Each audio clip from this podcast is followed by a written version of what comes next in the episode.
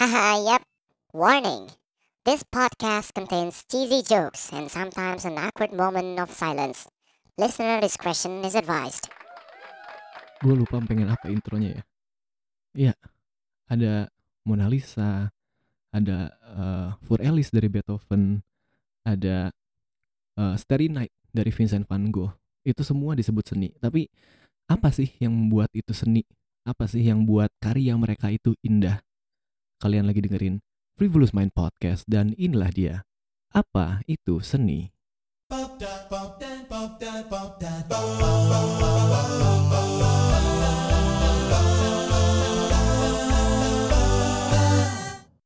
Oke, balik lagi di Frivolous Mind Podcast dan uh, hari ini gue ngerekam live lagi dan ada beberapa teman gue yang mendengarkan. Terima kasih banyak sekali lagi buat teman-teman yang sudah uh, mendengarkan podcast gue sampai sini dan live. Dan ternyata ada juga yang dengerin di Spotify. Gue kira pendengarnya udah masuk semua ke live podcast, ternyata ada juga yang masih dengerin di Spotify gue juga terima kasih buat yang dengerin Spotify walaupun gue sih kalau menjadi pendengar ya di episode kemarin tuh gue ngomongnya sangat terbata-bata jadi uh, uh, salut buat yang ngedengar podcast gue di episode kemarin karena gue ngomongnya terbata-bata dan gue harap hari ini gue ngomongnya tidak sehancur dan se terbata-bata kemarin. Oke hari ini kita bakal ngebahas apa sih gitu? Kalau tadi buat teman-teman uh, yang udah masuk ke live channel ini udah gue jelasin hari ini gue bakal ngebahas seni. Dan seni di sini bukan cuman tentang apa sih itu seni tapi bagaimana seni akan bekerja bagaimana seni akan berbentuk atau berupa di masa-masa depan di masa-masa mendatang di tahun-tahun mendatang atau dari entah satu dekade dua dekade tiga dekade tiga dekade mendatang bakal seperti apa sih bentuk seni itu dan apakah cuman manusia ke depannya yang akan membuat seni ini atau seni bisa dibuat dari entitas lain. Oke. Nah, tapi sebelum kita ngebahas jauh-jauh ke situ, ini sebenarnya juga agak nyambung dengan episode kemarin. Kayaknya untuk uh, mungkin satu atau dua episode ke depan lagi, pembahasan gua akan kurang lebih masih di alam alam sini, alam apa ya? Alam kesadaran. Soalnya kalau ngomongin seni, kayaknya gua juga tetap nggak bisa lepas dari yang namanya kesadaran, dari konsep alam sadar manusia ini. Jadi mungkin untuk satu dua episode ke depan pembahasannya topiknya akan berbeda-beda, tapi dunianya akan tetap sama di dunia sadar ini. Oke, balik lagi ke seni. Uh, apa sih itu seni? Oke, gua udah uh, sebenarnya nanti gua bakal ngajak ngobrol beberapa teman gua untuk ngobrolin apa sih itu seni. Tapi sebelumnya, gua udah sempat googling tadi uh, versi bahasa Indonesia dan versi bahasa Inggris definisi seni di googling ya. Jadi kalian boleh googling masing-masing. Nah, kalau dari bahasa Indonesia dulu ya, seni di sini adalah segala sesuatu yang diciptakan oleh manusia yang mengandung unsur keindahan dan mampu membangkitkan perasaan dirinya sendiri maupun orang lain. Nah, kalau dari pengertian yang gue dapat di nah, versi Indonesia ini ya, tadi adalah seni adalah segala sesuatu yang diciptakan oleh manusia. Berarti uh, kalau tadi premisnya di awal gue bilang kalau yang namanya seni ini itu masa mendatang bisa nggak sih dibuat sama entitas lain selain manusia? Kalau dari definisi ini berarti enggak dong ya. Soalnya kalau di sini arti seni adalah segala sesuatu yang diciptakan oleh manusia. Berarti seindah apa pun kalau itu bukan manusia, kalau menurut uh, definisi ini berarti itu bukanlah seni gitu. Kalau dari yang versi ini ya. Dan kalau uh, versi Inggrisnya ya, art. Nah, art is a diverse range of human activities in creating visual, auditory, or performing artifacts, expressing the author's imaginative, conceptual ideas or technical skills intended to be appreciated for the for their beauty or emotional power. Ya, dan uh, sama berarti ya versi Inggrisnya juga ada uh, a diverse range of human activities. Berarti kalau dari dua arti uh, yang gua searching ini itu semuanya uh, mengarahnya ke ciptaan manusia. Berarti seni itu uh, cuman hak untuk berseni ibaratnya ya. Atau seni itu sendiri itu cuma punya manusia semata. Berarti ibaratnya kalau di satu ketika di masa-masa mendatang atau entah tiba-tiba ada hewan, hewan spesies lain yang bisa membuat seni. Berarti atau membuat keindahan ya. Soalnya kalau di arti yang tadi definisi yang tadi seni itu cuma buat manusia. Berarti kalau nanti ada spesies lain, ada entitas lain bisa membuat suatu keindahan dan kita tuh benar-benar suka, tapi berarti nggak bisa dibilang seni dong kalau kalau begitu gitu loh dan uh, ibaratnya ya seindah apa pun kalau bukan manusia berarti uh, kalau dari arah yang arti yang tadi berarti itu bukan seni nah sebenarnya agak agak membingungkan ya pada akhirnya seni yang dibuat manusia sendiri pun sampai sekarang apalagi buat gue ya gue yang sangat awam dengan dunia seni nih ya. Seni kan nggak cuman eh, eh, satu dunia ada banyak banget kan seni sekarang. Ada seni rupa ada seni musik ya kan? Dan film film juga dimasuk seni ya. Dan kalau di film pun kita ada pembahasan yang luas tentang film. Dan kebetulan eh kalau teman-teman semua yang pernah ngedengerin podcast podcast gua sebelumnya dan lihat-lihat konten gua sebelumnya eh gua punya adik dia dan kita bikin project bareng Studio 8 yang mana Studio 8 ini sekarang lagi break. Nah adik gua ini dia adalah eh, movie enthusiast ibaratnya gitu. Dan kalau ngomongin seni tentang film itu juga bahasannya luas. Dan bahkan untuk beberapa sutradara di dunia perfilman ada yang saling ngejek satu sama lain dan ada yang bilang kalau film ini bukan sinema. Kayak contohnya yang terakhir sempat rame buat teman-teman yang pernah dengar Martin Scorsese dia yang buat film Taxi Driver, Wolf of Wall Street atau yang nonton Netflix di situ ada film dia yang terakhir namanya Irishman nah itu film-film dia intinya bagus-bagus sih dan eh, menurut gue ya bagus dan Martin Scorsese ini bilang buat teman-teman yang suka Marvel mungkin akan sedikit eh, offended ya karena Martin Scorsese bilang eh, MCU films itu film-film MCU itu bukan sinema. Nah, dan berarti sesama manusia aja bisa menyalahkan oh ini bukan bukan seni nih, itu bukan seni nih. Nah, apalagi entitas lain gitu loh. Nah, dan kalau ngomongin eh, yang dari gua baca dari buku Homo Deus dari Yuval Noah Harari, di situ juga sempat ngomongin seni sedikit seni itu apa sih? Nah, kalau di buku itu diceritain kayak ada satu guru dengan anak-anak muridnya, guru seni lah ibaratnya, datang ke museum dan di museum itu gue lupa ada eh, nama namanya apa ya? Jadi kayak eh, bukan pispot, tahu tempat pipis laki-laki? Mohon maaf ya, tempat pipis laki-laki itu yang kalau suka di mall-mall kan ada tuh yang kotak begitu doang. Nah, itu ada eh, seninya di, di museum kan itu. Saya tempat pipis itu ditempel di eh, Nah, itu dari Alphonse di live chat. Urinoir, terima kasih Alphonse. Urinoir. Nah, jadi urinoir ditempelin di sebuah papan di bawah dipaku dan di situ dipasang di museum. Nah, akhirnya guru ini nanya nih ke anak-anaknya. Ini seni bukan? Di situ ada perdebatan, ada yang bilang iya ini seni, ada yang bilang ini bukan. Nah, tadi kalau ngomongin dari definisi ada kata keindahan, mungkin buat orang awam ya, at least buat gua lah, gua ngelihatnya kalau ada urinoir, terima kasih untuk Alphonse sekali lagi gue jadi tahu namanya urinoir. eh apa namanya? Tadi gue ngomong apa sih? Nah, kalau misalnya ada urinoir gitu, gue tidak melihat apa keindahan dari urinoir ini kan. Tapi pada akhirnya si guru ini bilang, ya ini adalah seni. Seni itu adalah jika kamu menilai itu seni, itu seni. Jika kamu bilang itu indah, maka itu indah. Dan ibaratnya di dunia yang sekarang ya, yang sangat humanis sekali, seni ini sangat subjektif gitu loh. Bahkan berarti eh podcast ini pun gitu ya. Kalau ada dari lu semua, dari teman-teman semua yang menilai ini seni, yang mana eh, sangat least likely ya. Ya, tapi bisa aja kalau kalian menilai ini seni, itu seni gitu loh. Dan eh apa ya? Apa jadi intinya kalau ngomongin definisi seni itu luas banget dan sekarang gua pengen mencoba menanyakan ke salah satu teman gua Mungkin buat teman-teman semua banyak yang eh, ada yang pernah tahu dia sebelumnya. Dia juga punya podcast. Nama podcastnya adalah podcast bukan siapa-siapa.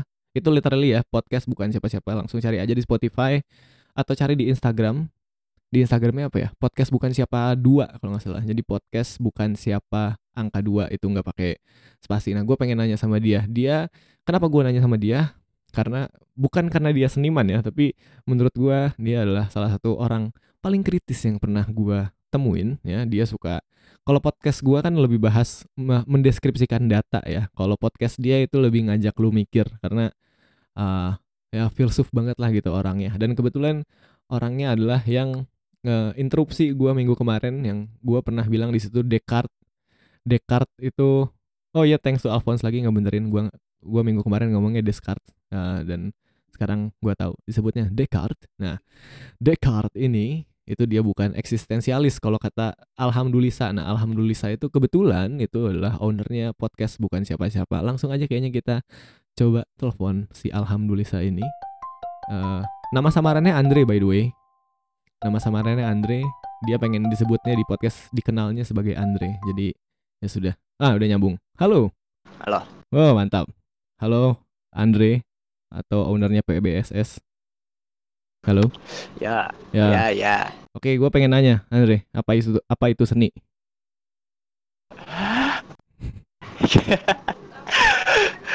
Kenapa pertanyaannya langsung begini, Bangsat? Ya nggak apa-apa. Jadi gimana? Apa itu seni? Apa itu seni? Lu pernah buat podcast atau eh, episode podcast ngomongin tentang seni gak sih? Enggak ya? Be- belum, belum, belum. Tapi kalau untuk ngomongin salah satu seni yang spesifik sih ada, ada. Apa tuh kalau di podcast lu? Ah, ada lah nanti. Eh, gua, gua sih rencana gue pengen ngebahas ada satu buah musik gitu. Tapi di mana gue ceritain aja langsung lah ya. Boleh, boleh, boleh. Jadi ada satu orang namanya John Cage. Dia eh, seorang komposer, seorang musisi lah simpelnya. Hmm. Dia bikin musik yang durasinya itu 4 menit sekian. Hmm. Judulnya 433. Tapi selama 4 menit itu dia nggak mainin alat musik apa pun yang ada cuman keheningan total gitu doang. Oh, menarik, menarik, menarik. Jadi itu disebut musik, tapi nggak ada satu not pun yang dimainkan di situ. Apakah itu masih musik atau enggak? Ah, iya, iya, iya. Menarik, menarik, menarik, menarik. Kalau by the way, lu belum jawab lu arti seni itu apa? Ya belum jawab karena gue gak tahu jawabannya ya. Tapi kalau misalnya eh, gimana ya? Kalau dikasih disuruh ngasih gambaran seni itu apa? Eh, by the way tadi yang menurut kamus bahasa Indonesia itu eh, buatan manusia yang indah, ya kan? Iya, heeh. Seni itu nggak melulu indah. Oke. Seni itu gak melulu indah karena kalau misalnya kayak contoh yang kemarinan rame itu yang pisang dilakban di tembok Iya, iya, iya. Heeh. Itu ada yang bisa ngasih tahu gak letak indahnya itu di mana? Dari pisang di, dilakban di tembok.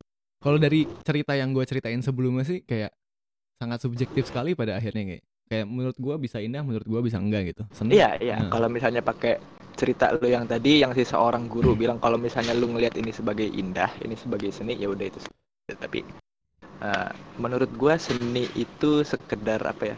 Sesuatu yang menimbulkan sebuah perasaan either dari si pembuatnya atau si penikmatnya Ah, right. jadi kalau seni itu indah kayak apa ya kayak nggak beriringan gitu loh kayak maka- makanya ada filsafat seni ada filsafat estetika Oke. jadi eh, kayak misalnya eh, katakanlah misalnya make up lu make up bisa bilang itu sebagai sebuah seni lah ya wadah mengekspresikan apa yang lu rasakan Hmm. make up gimana kalau misalnya gua seorang make up apa perias mayat terus gua bikin pameran berisi 100 mayat yang udah gua plastisin apakah itu masih indah Wah, itu menarik. malah menarik. orang yang yang orang yang datang ke apa pagelaran seni gua tersebut pulang-pulang bisa mimpi buruk bisa muntah-muntah bisa traumatis sih bisa bunuh diri juga jadi mayat lagi. Wah, ya bisa jadi customer baru kalau gua ngomong gini di penjara nggak ya? Ya udahlah, lanjut.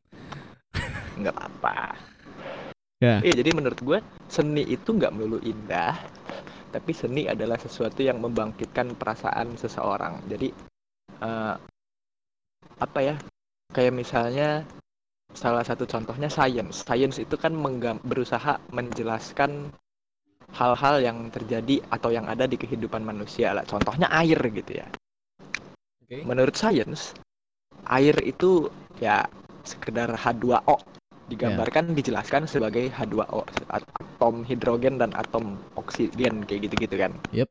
Ya. Hal itu berguna lah untuk urusan-urusan praktis misalnya memanipulasi air supaya jadi tenaga listrik and so on and so on. Tapi eh, bagi seni ada hal yang nggak bisa diungkapkan oleh sains tapi diekspresikan oleh seni. Misalnya air lagi ya, pakai contoh air Hmm. air itu misalnya eh, bagi orang yang pernah jadi korban tsunami, air itu sesuatu yang punya arti yang berbeda yang lebih dari sekedar H2O. Ya. hmm. Bagi orang yang beragama gitu misalnya orang yang mau sholat pakai wudhu, air itu punya makna yang beda lagi, yang lebih dari sekedar H2O. Ya, ini lu bisa apa perluas lagi air itu karena H2O aja nggak cukup menggambarkan air bagi semua orang kan. Ya, ya, ya.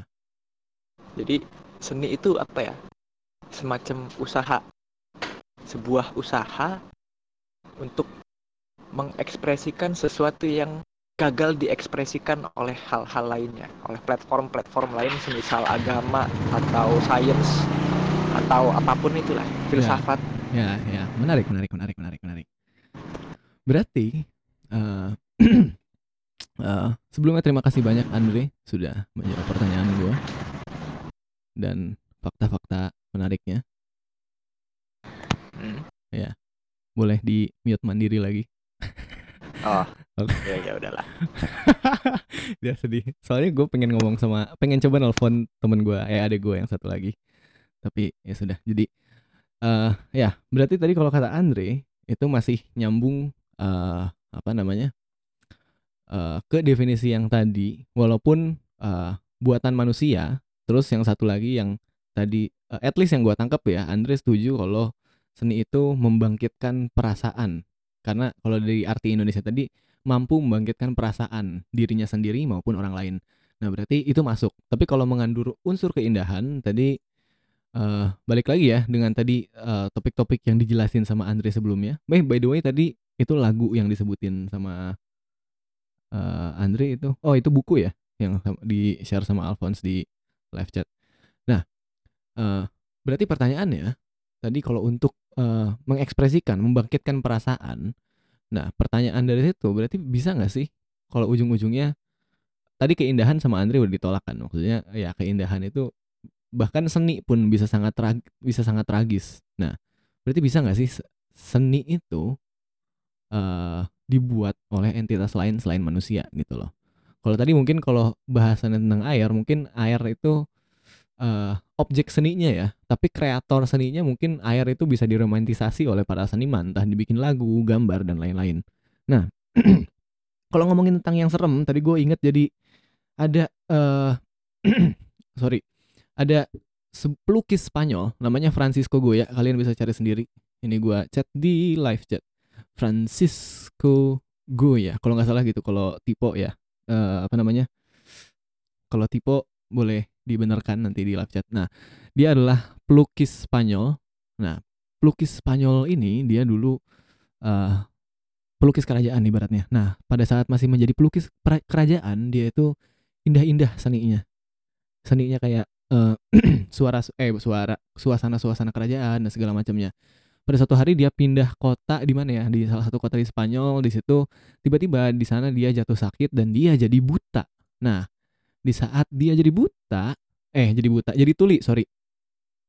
Dia jadi tuli. Nah, di saat jadi dia jadi tuli, dia tuh bertapa terus di rumah, dia nggak keluar sama sekali sampai akhirnya dia meninggal di rumahnya. Nah, pas meninggal di rumahnya, orang-orang masuk ke rumahnya dan orang-orang menemukan ada 14 lukisan yang di mana 14 lukisan itu sekarang dinamakan dikenal dengan dark paintings kalau nggak salah ya dark paintings dan dark paintings ini itu eh isinya dark banget gitu loh. eh gua googling dulu. Salah satu yang terkenal lukisan Francisco Goya adalah Saturn devouring his son. Nah, jadi ini salah satu lukisan paling seremnya Francisco Goya. Jadi buat yang dengerin lewat Spotify bisa googling atau gua jelasin di sini jadi kayak ada raksasa makan eh, anaknya, entah anaknya entah orang biasa. Jadi eh, kalau bahasa Saturn devouring his son ini sebenarnya eh, lukisan ini sebelumnya udah pernah ada, tapi itu cuman yang menggambarkan mitologi Yunani karena zaman dulu Kronos itu makan anaknya dan akhirnya dibikinlah gambarnya eh, sama para impresionis tapi seakan-akan gambarnya teatrikal. Nah, Francisco Goya ini menggambarkan Saturn devouring his son ini benar-benar horor gitu loh. Yang bikin gua amazed dengan ceritanya Francisco Goya adalah sebelumnya dengan lukisan-lukisan dia yang cerah ibaratnya ya, yang sangat happy lah ibaratnya. Tiba-tiba saat dia jatuh sakit, dia jadi tuli, jadi cacat lah ibaratnya ya. Nah, di saat dia jadi cacat, di situ eh, lukisannya jadi dark semua. Nah, dan fakta unik lagi, si Saturn devouring his son ini eh apa namanya? ditaruh di ruang makannya dia. Nah, dan yang lebih menariknya lagi dari sini ya. By the way itu gua share gambar eh Saturn devouring his son itu di live chat bisa dilihat gambarnya kayak gitu. Nah, di eh, lukisan ini sama Francisco Goya dia taruh di ruang makannya. Dan itu yang menarik. Dan yang lebih menariknya lagi dari ceritanya dia adalah lukisan ini nggak pernah dia mungkin niatnya dia nggak pernah nge-publish lukisan ini sama sekali gitu loh. Dan berarti sampai sekarang kita itu cuma bisa menerka-nerka apa sih niat sebenarnya Francisco Francisco Goya gambar lukisan-lukisan 14 dark paintings ini gitu loh. Dan jadi balik lagi ke kata perkataan Andre tadi, dia bilang kalau gimana kalau mayat itu tadi. Nah, ini mungkin nggak se ekstrim mayat ya, tapi lukisan-lukisan yang kelam. Dan lukisan-lukisan yang kelam ini yang bikin lebih horornya lagi kita nggak pernah tahu apa sih artinya lukisan ini. Oke, kita lanjut, kita lanjut sedikit. Jangan terlalu mendalam kehororan. Gua coba telepon satu orang lagi. Kalau nggak bisa, ya wes, ya kita nggak akan telepon-telepon orang lagi. Ini gue telepon adik gue, dia uh, science eh science art entusias lah ibaratnya. Oke, kita tunggu dan uh, apa ya? Ya itulah ya intinya. Gue coba telepon, kalau nggak nyambung ya wes. Halo. Ah, ada suaranya. Oi, Halo, Nathan. Ya dia Nathan hmm, dan ya apa langsung ini teh? Iya iya sebelumnya tadi eh, udah di chat ya. Ini Nathan dirimu didengar oleh ratusan para pendengar live di sini. Nggak ratusan sih, cuma satu dua tiga empat lima enam tujuh lima. oke.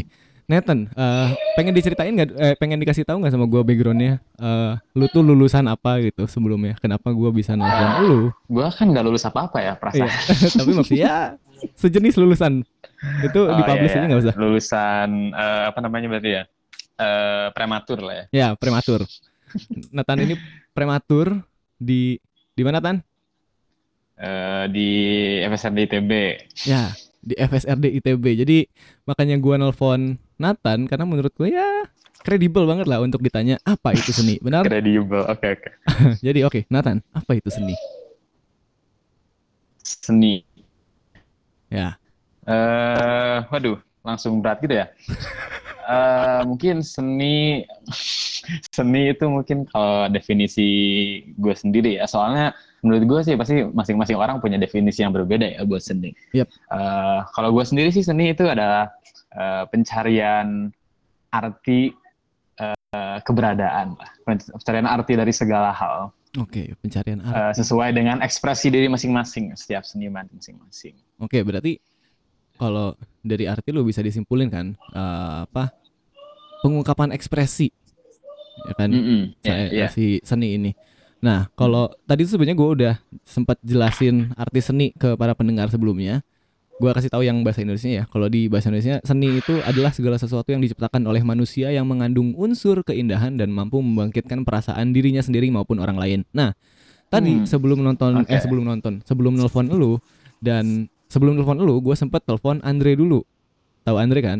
Kita Hmm. pernah collab bareng Iya, tuh. iya, iya. Nah, Andre juga ada yang sama nih dari dari ketiga arti yang gua tangkap dari lu, dari Andre dan dari Google itu Mm. kesamaannya adalah eh, mampu membangkitkan perasaan dirinya sendiri maupun orang lain. Seenggaknya kita udah setuju lah ya ada common groundnya nih dari tiga Iya, definisi iya. kalau seni itu membangkitkan perasaan. Nah, tapi kalau gua tanya apakah entitas lain selain manusia membuat seni, apakah mampu atau bisa dibilang seni nggak kalau entitas lain menciptakan sesuatu yang mungkin buat mereka nggak ada ekspresinya ya, tapi buat kita itu membangkitkan ekspresi kita. Itu seni nggak sih kalau gitu?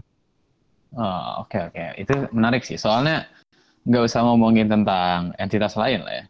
Ya. Eh, banyak seni yang mungkin dibuat sama manusia juga nggak nggak dimaksudkan untuk punya arti lebih mungkin kan. Mm-mm. Tetapi diartikan oleh kita yang mengkonsumsi seni tersebut justru. Untuk kayak ini ada artinya. Kayak banyak mungkin eh, pelukis-pelukis abstrak gitu misalkan yang dia melukis nggak ada maksud apa pun gitu kan nggak sih cuman ya udah Hmm. gue eh, ngasal aja nih gue ngebuat chat di ciprat-cipratin gitu tapi kenapa entah kenapa orang-orang mendapatkan respon emosional gitu kan jadi ketika lu nanyanya misalkan apakah ada entitas lain yang bisa eh, menciptakan suatu karya berarti Ya. Eh, walaupun tanpa maksud apa pun tanpa maksud berekspresi apa pun tapi ditangkapnya oleh orang-orang sebagai seni menurut gue sih bisa Bisa aja ya berarti seni. Nah, by the way, iya terakhir ya ini Nathan. Nah, berarti kalau untuk kita menilai seni sendiri apakah gimana ya? Seni itu dinilai dari keindahannya, dari estetiknya atau dari pesan yang disampaikannya atau pengen gambarnya sebagus apa pun tapi kalau si cerita seniman di belakangnya tidak ada cerita yang menarik, ujung-ujungnya juga nggak akan jadi masterpiece atau gimana? Atau mungkin kayak ujung-ujungnya kita sebagai penikmat seni cocok logi aja oh gambar ini mirip kayak ini jadi mengekspresikan ini ini ini atau gimana sih seni yang baik itu? Pasti sih unsur eksentrik dari berarti kalau tadi lu ngomong kayak keindahan dan lain sebagainya Hmm? Itu cuman alat aja sih kalau menurut gua. Ibaratnya kayak eh, masak gitu. Ah, ya itu cuman bumbu-bumbunya aja kan sebenarnya. Yang akhirnya nanti jadi seninya adalah masakannya gimana cara si seniman itu menggunakan unsur-unsur yang udah ada. Kalau di lukisan berarti kan ada warna ada garis ada bentuk dan lain sebagainya kan. Hmm, hmm. dia merangkai semua itu uh, agar menyampaikan apa yang dia ingin sampaikan. Jadi kalau uh, pendapat gue sendiri sih pasti seni itu lebih ke uh, pesan yang dikandungnya lah daripada keindahan. Karena uh, nggak ada keindahan yang mutlak kan maksudnya. Bahkan ketika tadi definisi dari Google pun dia ngomongnya uh, apa namanya tadi keindahan kan. Uh, Hmm. uh, apa namanya estetika keindahan dan lain sebagainya. Tapi kan tidak semua seni itu indah gitu. Banyak seni yang justru uh, sengaja dibuat tidak indah dan mengganggu seseorang karena itu pesannya gitu kan. Iya iya kayak eh, tadi sebelum nelfon lo gue juga sempat cerita tentang eh, Saturn Devouring His Son dari Francisco Hmm, Goya. Ya, itu juga kan tidak eh, menyenangkan. Terus tadi Andre juga sempat bilang gimana kalau ada seniman yang pameran pameran mayat itu kan tidak indah, tapi kan ada pesannya pada akhirnya gitu kan ya. Mhm. Dan itu ada juga loh emang seniman yang pamer mayat. Oh emang ada? Eh, jadi dia senimannya itu dia dari mayat orang sama dia di eh, ditata pose-pose tertentu lah. Terus dia kayak masukin eh, cairan khusus gitu ke dalam syarafnya. Oke. Ntar si cairan itu bakal mengeras, bener-bener keras banget. Terus nanti si badannya itu si mayatnya sama dia dimasukin ke asam biar dia larut eh, jadi hancur lah gitu. Jadi sisanya cuman si cairan itu yang sekarang udah jadi bentuk syaraf manusia tapi ada posenya. Itu ada. Oh. Wow.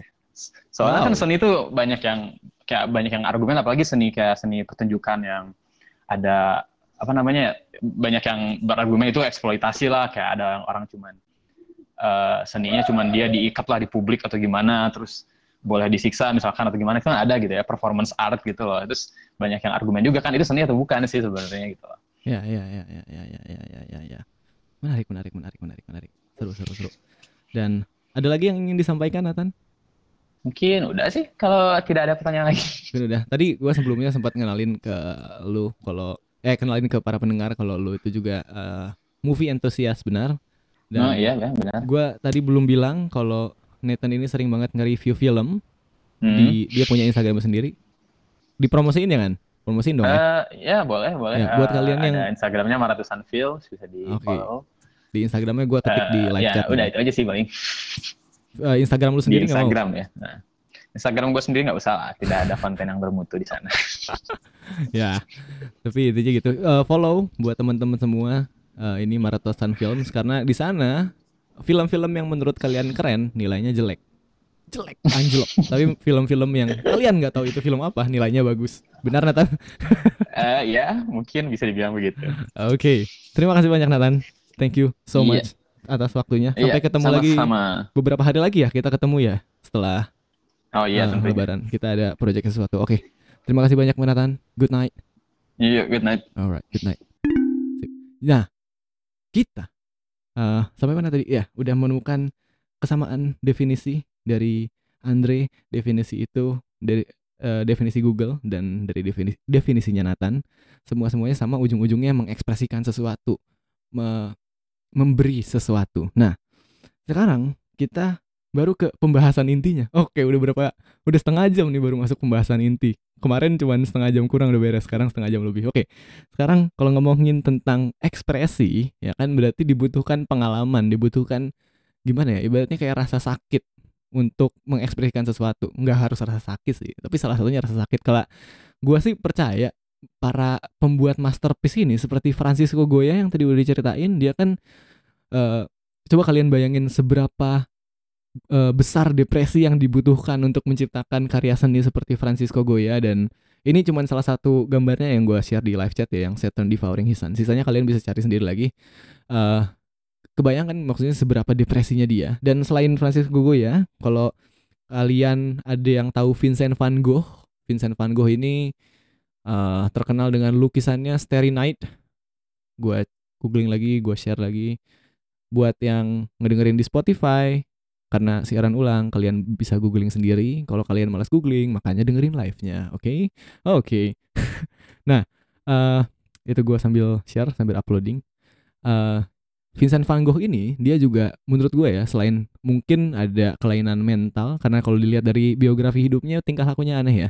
Tapi dia pun menurut gua cukup depresif. Nah ceritanya, eh, cerita unik dari Vincent van Gogh ini, dia pernah jatuh cinta sama seorang seseorang wanita dan eh, wanita ini nolak Vincent van Gogh mentah-mentah dengan ta- tapi akhirnya Vincent van Gogh ini saking putus asanya dia minta kayak Weh, di share sama Alphonse di live chat. Thank you so much. Gua masih sending ini Alphonse. Entah apa yang terjadi dengan internet gua. Terima kasih sekali lagi Alphonse. Kamu sangat membantu hari ini. Pendengar of the day Alphonse. Oke, lanjut. Ke eh Vincent van Gogh tadi, akhirnya dia minta eh ke ceweknya nanya, "Sok, sok anjing, sok." Vincent van Gogh orang Eropa ngomong sok ya. Jadi kata Vincent van Gogh, "Sok, gimana tuh, Neng, supaya aku diterima sama dirimu?" Nah, akhirnya si ceweknya ini bilang, "Ya, saya pengen nikahin kamu atau saya pengen bersama dengan kamu kalau kamu memberikan salah satu kuping kamu." Dan buat kita para manusia-manusia eh nah apa ya? Dalam tanda kutip normal lah ya. Mana mau kan ngasih kuping gitu ke orang buat apa gitu mending cari pasangan lainnya ya nggak sih? Nah, tapi Vincent van Gogh ini beneran kupingnya dipotong sendiri dan dikasih eh, di dikotakin dikasih ke ceweknya. Apakah Vincent van Gogh menikah? Oh tidak, ceweknya ketakutan dan akhirnya pergi hidup bahagia selamanya. Enggak sih, hidup sedih selamanya dan dari situ ya kebayangkan dari cerita itu butuh pengalaman yang sangat eh, menyakitkan ibaratnya. Nah, tapi tapi nah pengalaman ini kenapa gue jadi receh banget tadi ngomong tapinya begitu. Nah, lanjut. Eh apa namanya? Pengalaman ini kalau ngomongin pengalaman ujung-ujungnya kita balik lagi ke ngomongin kesadaran ya kan karena kalau ada entitas lain yang pengen yang harus membuat seni, seenggaknya dia harus punya kesadaran kan, harus punya kesadaran. Berarti eh, at least kalau tadi manusia itu bukan faktor penting buat eh, kalian semua untuk menilai seni, berarti nggak harus menjadi manusia untuk menjadi seni, bisa jadi monyet, bisa jadi apa. Yang penting punya kesadaran, ya kan? Nah, tapi pertanyaannya di sini, sekarang eh, kita manusia menciptakan entitas baru yang non biologis ber- berarti ibaratnya manusia ini kita makhluk organik ya ada makhluk anorganik yang sudah diciptakan oleh manusia sudah sejak lama yang namanya artificial intelligence atau kecerdasan buatan dan yang kerennya dari kecerdasan buatan ini ibaratnya eh, banyak apa ya pekerjaan-pekerjaan manusia yang dapat dikalahkan oleh kecerdasan buatan ini kalau sekarang mungkin yang paling d- bisa yang bisa sangat obvious kita notice adalah tentang penyimpanan data ya kan. Kalau eh, apa namanya kita manusia sering kali lupa, tapi kalau Google nggak pernah lupa dan kecerdasan buatannya di mana sih Google? Sekarang dengan algoritmanya kita ngetik apa segala macam, Google itu lama-lama kalau kita semakin lama sem- semakin lama pakai Google, yang mana Google ini adalah artificial intelligence dan juga kalau yang punya HP-nya Android ada Google Assistant atau yang punya HP-nya Apple ada Siri. Nah, itu mereka semakin kita lama makainya, semakin kita lama pakai device itu, mereka akan semakin tahu apa kesukaan kita, apa aktivitas kita dan segala macamnya gitu. Ibaratnya mungkin eh, beberapa tahun ke depan si eh, artificial intelligence asisten ini, asisten pribadi kita, asisten digital kita akan mungkin bisa lebih tahu diri kita daripada diri kita sendiri dan mungkin lebih tahu diri kita daripada pasangan-pasangan lain. Nah, terus muncul pertanyaan, bisa nggak sih satu eh, di satu ketika kecerdasan buatan ini menciptakan karya seni? Mungkin buat eh, orang awam, buat gua at least yang awalnya kalau ditanya seperti itu, kalau gua belum tahu, gua akan langsung jawab ya nggak mungkin lah gitu kan. Karena seperti definisi yang tadi ya, yang setengah jam kita udah bahas apa itu seni, itu dibutuh apa seni itu adalah penyampaian ekspresi, penyampaian cerita, penyampaian pesan pada akhirnya. Nah, tapi eh berarti bukan tapi berarti kalau eh, orang ini nggak punya kesadaran, nggak punya cerita yang ingin disampaikan, harusnya enggak dong, harusnya apa namanya? Harusnya tidak menjadi seni dong, karena tidak punya kesadaran, tidak punya cerita untuk disampaikan. Nah, tapi, nah ini baru tapi, tapi ternyata eh, artificial intelligence ini gimana ya? Kan konsepnya dia kecerdasan buatan ini berarti bukan kita nge si programmer itu nggak langsung ngebuat dengan segala kepintarannya langsung diupload kan ibaratnya gitu simpelnya. Tapi kecerdasan buatan ini si programmernya mereka ngebuat kayak sebuah algoritma yang setelah di upload ibaratnya ya anggaplah di upload yang setelah diupload algoritma ini akan belajar sendiri gitu loh jadi nambah datanya sendiri. Nah di situ kan kecerdas makanya disebut kecerdasan buatan. Dan kalau ditanya kecerdasan buatan ini berarti nggak punya kesadaran dong karena kita doang sejauh ini yang at least entah ada atau tidaknya kesadaran kita seenggaknya merasa kalau kesadaran itu ada. Nah, si kepintaran buatan ini itu nggak punya uh, kesadaran. Tapi kalau kita lihat perkembangannya zaman dulu, uh, gue gue lupa cerita uh, cerita pastinya. Tapi di, di zaman dahulu kara, zaman dahulu kara ceritanya uh, apa namanya komputer atau artificial intelligence ini tidak bisa mengalahkan manusia dalam catur dan orang-orang percaya nggak mungkin gitu ada yang bisa ngalahin dalam catur. Terus kayak beberapa dekade kemarin, entah mungkin kurang lebih 20 tahun kemarin, gue lupa. Dan gue dapet ini dari buku Homo Deus tadi, dari Yuval Noah Harari itu sangat recommended bukunya. Nah, sampai akhirnya sekarang uh, udah bisa ngalahin manusia, ya kan, si artificial intelligence ini. Dan gak cuman di catur, sekarang artificial intelligence sudah bergerak di banyak-banyak bidang ya. Salah satunya game, buat kalian yang main game, Uh, dan yang gue tahu terakhir beritanya gamenya namanya Dota buat kalian yang suka main Dota tuh di Dota ada nama namanya Open AI, Open AI dan Open AI ini kan artificial intelligence. Nah, mereka jadi si pemain profesional ngelawan artificial intelligence ini pada akhirnya eh, pada awalnya si artificial intelligence ini kalah. Tapi karena mereka kecerdasan buatan, mereka belajar terus, belajar terus, belajar terus dan sampai sekarang ini udah hampir mustahil untuk dikalahkan si artificial intelligence ini. Dan ternyata nggak cuma sampai situ, ke sekarang ke mobil juga ya buat kalian yang tahu Tesla Tesla Motor Company atau motor apa ya kalau nggak salah ya itu itu kan kecerdasan buatan juga mobilnya bisa ngeprediksi ke mana ke sana kemari ini apa mau tabrakan atau enggak speednya gimana terus bisa ya gitulah. Dan mungkin beberapa tahun mendatang supir taksi itu profesinya sudah digantikan oleh kecerdasan buatan. Nah sekarang ke seni.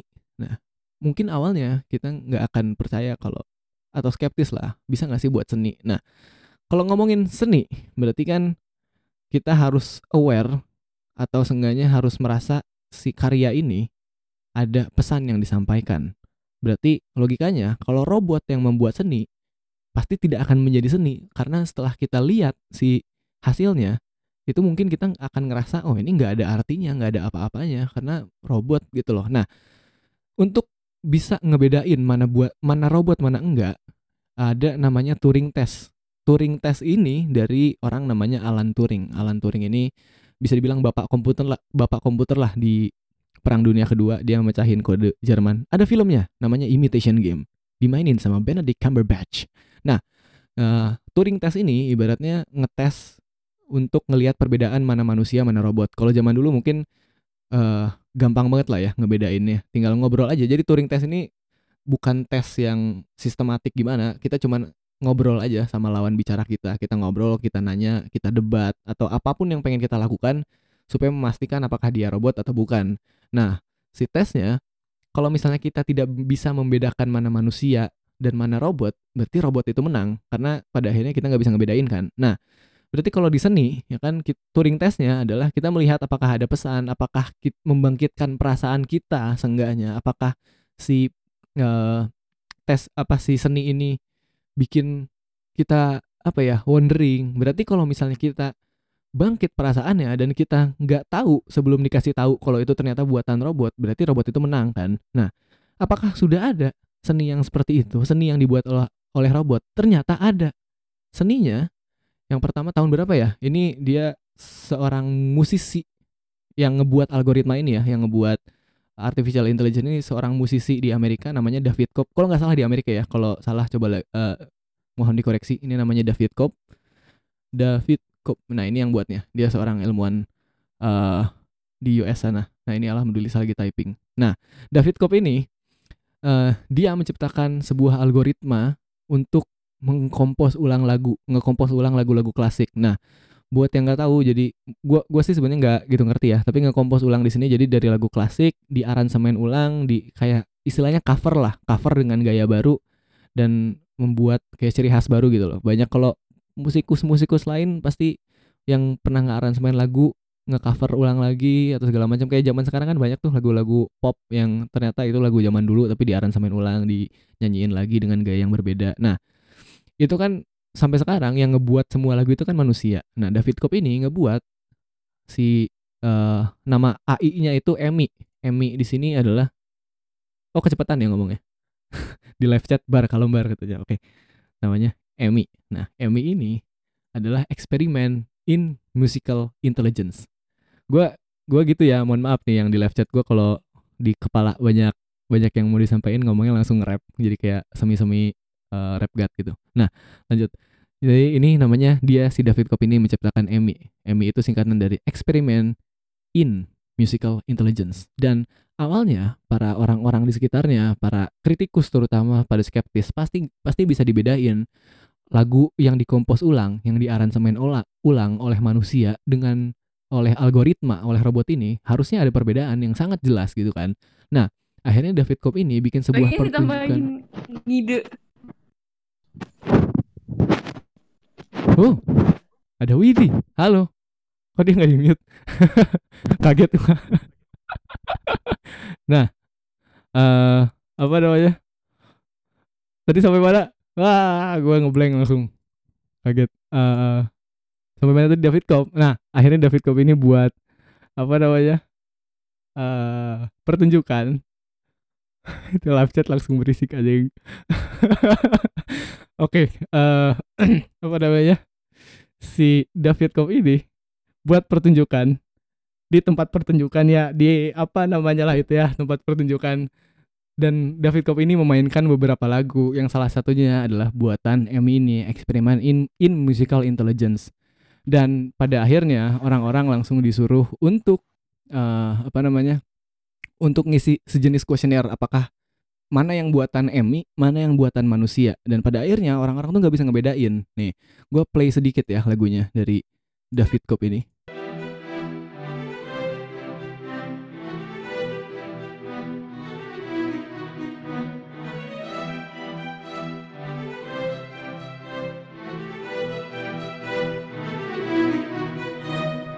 Nah, yang harus kalian aware, ini adalah buatan robot. Kalau mungkin ini gue dengerin di versi YouTube-nya ya. Kalau versi YouTube-nya mungkin eh buat yang ngerasa agak robotik ya, karena ini ini nggak dimainin sama manusia. Ini algoritmanya langsung ngeplay dari softwarenya. Tapi kalau di pertunjukan itu, musik ini dimainin oleh manusia. Jadi kayak si Emi-nya ngeluarin kayak sejenis apalah not baloknya gitu, terus suruh manusia mainin. Dan orang-orang yang ngedengerin ngerasa kalau lagu ini ternyata membangkitkan semangat mereka. Wah ini pasti bukan buatan Emmy ini pasti buatan manusia. Soalnya bikin diriku merinding diriku kaget gitulah ya intinya ya. Ha kenapa gue jadi receh? Nah begitu. Dan ya ini intinya lagunya seperti itu. Dan boleh kalian dicek di Spotify ada di YouTube ada. Cari aja Emmy eksperimen in musical intelligence. Nanti kalian nemu banyak lagunya Emmy. Nah berarti sekarang kan udah mulai ada seni tuh ya. Seni yang diciptakan oleh apa namanya oleh robot dan ternyata seni yang diciptakan oleh robot ini manusia tuh nggak nggak tahu kalau ternyata ini buatan artificial intelligence. Nah ternyata nggak cuman sampai situ setelah menang dengan eksperimen in musical intelligence setelah menang dengan si Emmy ini David Cope tidak berhenti sampai di sana.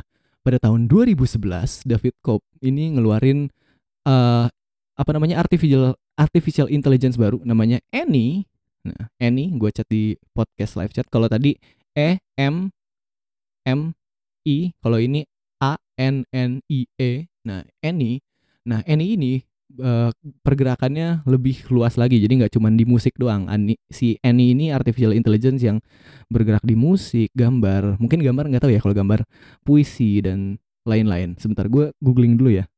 Si eh, sesuatu yang dibuat sama Annie apa sih? Di tahun 2011 ini Annie itu membuat sesuatu judulnya adalah Comes the Fiery Night. Nah, ini bukunya. bukunya gue belum baca by the way. Eh, wait wait, gue print screen. Nah itu ada, alhamdulillah udah nge-share di podcast live chat. Kalian bisa lihat ini adalah buku yang dirilis oleh David Kopp dan Annie. Jadi bukunya adalah Comes the Fiery Night, eh, The Fiery Night of 2000 Haiku by Man and Machine. Nah, bukunya ini ya serunya bukunya di dalamnya ini adalah buku kumpulan puisi. Jadi buat kalian anak-anak edgy yang sedang mendengarkan podcast ini boleh beli bukunya karena puisi dong, ya kan?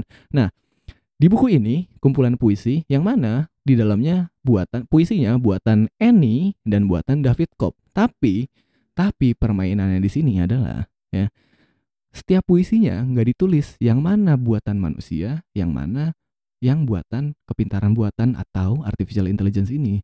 Jadi mungkin buku ini diciptakan atau dirilis oleh David Kopp untuk sebagai Turing test yang mana kita bisa ngetes masing-masing buat kalian semua yang pengen beli bukunya bisa ngetes apakah eh apakah Annie lolos dari Turing test atau enggak. Apakah kepintaran buatan, kecerdasan buatan, eh, entitas mesin ibaratnya ya, entitas digital bisa mengalahkan manusia dalam seni. Dan kalau kita lihat sekarang itu udah sampai puisi ya kan? Dan dengan adanya algoritma seperti ini yang bisa belajar sendiri mana seni yang bagus mana seni yang jelek mana seni yang diterima oleh masyarakat luas dan mana yang enggak mungkin ke depannya kalau sekarang kan kalian mungkin banyak yang yang udah kayak uh, obvious udah terima aja kalau misalnya beberapa tahun ke depan mungkin pekerjaan manusia yang pekerjaan manusia banyak yang digantikan oleh robot kayak supir taksi tadi oleh uh, kendaraan yang uh, self driving. Mungkin nanti mesin-mesin di pabrik bisa ngegantiin buruh-buruh pabrik.